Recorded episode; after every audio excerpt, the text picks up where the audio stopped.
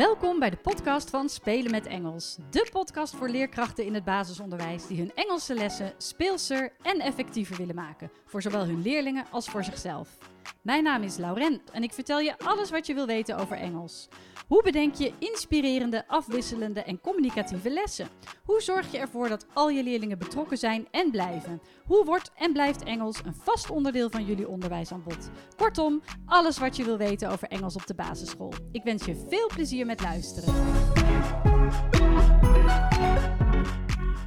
Welkom. In deze aflevering geef ik je twee werkvormen. Eentje die is geschikt voor alle groepen en eentje is vooral geschikt voor de bovenbouw. Um, de eerste die we gaan doen heet heel simpel left or right. En uh, die heb ik heel veel gespeeld toen ik nog les gaf. Het is een hele eenvoudige werkvorm die je eigenlijk bij elk thema, bij alles wat je wat je, je leerlingen wilt aanleren, kunt toepassen. En wat wel belangrijk is, is dat je een soort van touw of tape of uh, nou ja, een soort van lijn kunt trekken in je lokaal, zodat je daadwerkelijk een left en right hebt. En alle leerlingen gaan in het midden van het lokaal staan. Het liefst een beetje dan op die lijn die je hebt getrokken met tape of met touw. Um, heb jij een veel te grote groep om dat in de klas te kunnen doen, dan kun je er natuurlijk ook voor kiezen om het buiten te spelen of in de gymzaal of in de hal. Uh, of je kiest ervoor om steeds nieuwe leerlingen op die lijn te zetten. Dus steeds bijvoorbeeld vijf of tien leerlingen. En dan gaan die weer zitten en dan nodig je de volgende vijf of tien leerlingen uit. Dat kan natuurlijk ook nog heel goed. In ieder geval left or right. En hoe, speelt, uh, hoe speel je dat? Eigenlijk, nou ja, bij wat dan ook. Uh, leerlingen moeten eigenlijk kiezen of het antwoord left is of right. En dat kun je bijvoorbeeld doen door iets op te hangen of door het gewoon te zeggen. En het, het, het, is eigenlijk een variant op dat je bijvoorbeeld een groen kaartje omhoog houdt of een rood kaartje, dat iets goed of fout is, maar je wil ze juist laten bewegen. Denk bijvoorbeeld aan, uh, laten we beginnen met een eenvoudig thema in de onderbouw. Je hebt kinderen laten oefenen met colors en met numbers, bijvoorbeeld 1 tot en met 10. Nou, dan zeg je uh, uh, to the left are the colors, to the right are the numbers. En dan kun je eventueel ook een grote flashcard ophangen, dat kinderen ook zien, oh, als ik naar de linkerkant stap is het um, een kleur en als ik naar rechts stap is het een nummer. Nou ben ik zelf heel slecht met left en right, met links en rechts onthouden. Ik weet niet wat dat is. Dus misschien kun je, um, kun je het ook anders noemen. Daar, daar gaat het in principe niet om. Um, maar in ieder geval, je geeft bijvoorbeeld uh, de color blue. Nou, dan moeten leerlingen, als ze denken dat het een kleur is, of moeten ze naar, wat was het nou ook weer? Kijk, ik ben het al vergeten, naar links stappen. En dan zeg je 12, dan moeten ze naar rechts stappen, want dat is een getal. En dan zeg je 6, moeten ze weer naar rechts stappen. Of je zegt orange, dan stappen ze naar links.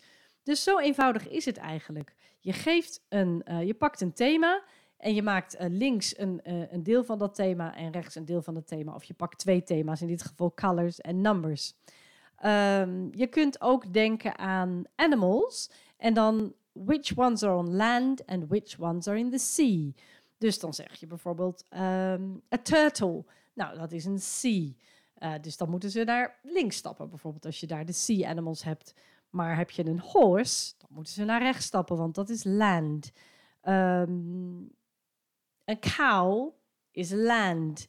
A fish is sea. En zo kun je met animals ook denken aan which animals can fly and which animals can swim. En dan is een duck natuurlijk een hele leuke, want die kan en zwemmen en vliegen. Dus ja, waar gaan ze dan staan? Of blijven ze netjes in het midden staan? Um, je kan denken bij transport aan land en zee. Dus een ship is on sea en a lorry is on land. Dus ook daar kun je weer zeggen left. Go to the left if you think it's on the land. And go to the right if you think it's in the sea. Um, bij food kun je denken aan fruit and vegetables. Uh, strawberry, ga naar left, want dat is fruit. En broccoli, ga naar right, want dat is vegetables. Dus steeds spreek je van tevoren af, to the left is dit, to the right is that. En wil je het wat makkelijker maken, kun je natuurlijk altijd een flashcard ophangen. Um, en je kunt ook eventueel leerlingen zelf met woorden laten komen. Hè? Als je inderdaad niet alle leerlingen in dat midden wil hebben staan, dat een leerling die zit een woord bedenkt en dat de rest dan naar links of naar rechts gaat. Um, je kunt een laatste voorbeeld bij dit thema uh, denken aan seasons. Uh, winter or summer. En dan bijvoorbeeld clothes. Uh, bikini. You're wearing a bikini. Are you going to the left for summer or are you going to the right for winter? You're wearing snow boots. You're wearing a scarf, a hat, a swimsuit, a, a summer dress. Nou, dat soort dingen. Dus bedenk een thema en uh, maak daar een subcategorie in. En zorg er dan voor dat leerlingen naar de left of naar de right kunnen. Of je bedenkt twee thema's en dan uh, zeg jij woorden. En dan kiezen leerlingen bij welk woord dat thema hoort. En zo gaan ze naar left of right. Ondertussen hoest ik nog even, want dat doe ik al uh, zo'n vier weken. Uh, maar goed, dat even terzijde. Um, dan kun je dit spel ook spelen met wat meer grammaticale uh, voorbeelden. Dan, dan is het al misschien wel wat, wat lastiger. Denk bijvoorbeeld aan, moet ik wel of niet een S achter het werkwoord plaatsen? En dan kun je bijvoorbeeld denken bij, nou, stel dat je in, uh, in groep 7 of 8 echt wel wat grammatica wil aanleren, omdat ze over hun dagelijkse routines willen praten bijvoorbeeld. Um, dan is het wel handig als ze weten dat er bij he, she en it een S achter het werkwoord komt. Ik noemde dat ook wel altijd wel de shit rule. Dat vonden leerlingen altijd erg grappig.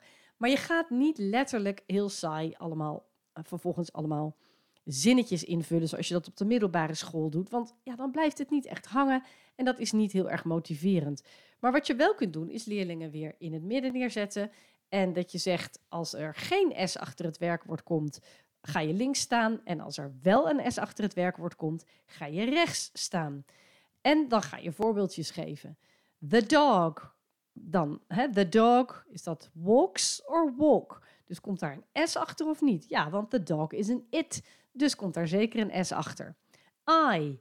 Nou, I is niet een he, she of it. Dus er komt geen S achter. Dan gaan ze aan de andere kant staan. Me and my sister. Dat is een lastige, want my sister is wel een she. Maar er zit ook me bij. Dus dan krijg je we. En we heeft geen S. Dus dat zijn hele leuke dingen om ook met je leerlingen te bespreken als ze aan het twijfelen zijn. Van, en dat je dan ook heel goed duidelijk zegt: Ja, ik snap dat je denkt dat het een S heeft, want het is tenslotte my sister. Maar het is me and my sister, dus dat is wij. My father krijgt zeker een S. Uh, ik zal nog wat voorbeeldjes geven, want dit is echt wel een hele leuke om uh, te oefenen. Dus bedenk heel goed: je staat in het midden als leerling. Rechts heeft een S, links heeft geen S achter het werkwoord. My father, me and my sister. I, the dog, she, Peter and Anne, he, the table, they, the computers, you, you and your friend, my friend, the workshop. Nou, en zo kun je er vast zelf nog wel een paar bedenken. Mocht je zelf niet zo goed zijn hierin in grammatica, dan zou ik zeggen: spoel even een stukje terug en oefen zelf. Krijgt het werkwoord een S of niet? Uh, maar deze is heel leuk en je ziet leerlingen echt denken. Dus dat vind ik altijd wel een hele leuke. Van, ja, is het nou een wij, een zij, een, hè, wat, wat, wat ze vaak uh, als hun ver vertalen, hè, zij, maar het is echt zij meervoud. Uh, is het een ik? Nou, dat is een hele leuke om te doen. Wat ook een leuke is met deze is in of on. Dus ook weer een stukje grammatica. Is het in of on? Nou, dan moet je van tevoren wel duidelijk hebben uitgelegd dat je on gebruikt bij specifieke data en bij dagen. En dat je in gebruikt bij ja, grotere, uh, bijvoorbeeld bij seizoenen en um, uh, uh, ja, grotere, hoe zeg je dat? Nou ja, periodes. En um, ook bijvoorbeeld bij landen en bij maanden.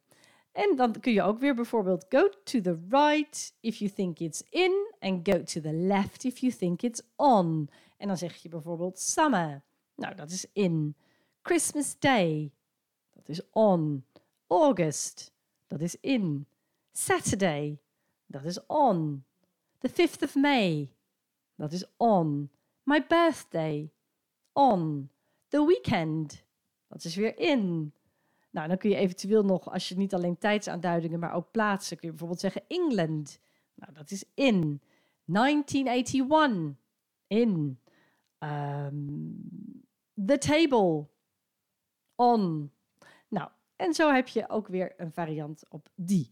Nou, je kan zelfs vast nog wel wat grammaticale dingetjes bedenken met bijvoorbeeld meervouden. Uh, of de past simpel, of het een regelmatig of onregelmatig werkwoord is, waarbij leerlingen van rechts naar links kunnen stappen. Dus dat was uh, werkvorm 1, to the left or to the right. Uh, ik zie heel graag uh, foto's of filmpjes, uh, al dan niet geblurred, als jij deze werkvorm hebt gedaan. Of laat gerust een reactie achter bij deze podcast of stuur even een mailtje hoe dit is bevallen. Het is natuurlijk wel belangrijk dat je van tevoren goed, maar dat, volgens mij zeg ik dat in elke podcast, van tevoren goed input hebt gegeven. Dit is echt een, een opdracht, een werkvorm voor de oefenfase. Leerlingen moeten dan al een basis hebben gehad, zodat ze weten of ze naar links of rechts moeten stappen. Het is dus echt iets om te oefenen. De tweede uh, werkvorm, die is vooral voor de bovenbouw. Uh, wat ik net natuurlijk aan voorbeelden gaf over de grammatica, is ook echt typisch bovenbouw. Maar hoe je hem in de onderbouw kunt doen, to the left en to the right, heb ik ook verteld met specifieke thema's, eenvoudige thema's. Um, je kan ook bijvoorbeeld denken aan animals en dan is het on the farm or is it a pet? Als je farm animals en pet, pets hebt behandeld. Um, maar goed, de tweede werkvorm is the question is. En dat is wel echt een bovenbouwwerkvorm om te oefenen met vragen stellen. Um, en dat kunnen vragen zijn met WH, dus de what, where, why, when. En dan heb je nog de how. Of vragen waar alleen yes of no op kan worden geantwoord. Um, ik vond dat ook altijd een hele leuke om te oefenen. Wat ik bijvoorbeeld deed was dat met flashcards, die zal ik zo vertellen. Maar je kunt ook met PowerPoint werken. Dus dat je heel snel even wat antwoorden geeft, uh, antwoorden noteert in een PowerPoint. Um, en dat kan een hele eenvoudige zin zijn. Bijvoorbeeld, uh, uh, it is a giraffe. Nou, heb je als antwoord it is a giraffe, dan moeten de kinderen de vraag bedenken. Nou, de vraag zou in dit geval kunnen zijn: What is it? Uh, het kan niet zijn: Is it a giraffe? Ja, kan wel.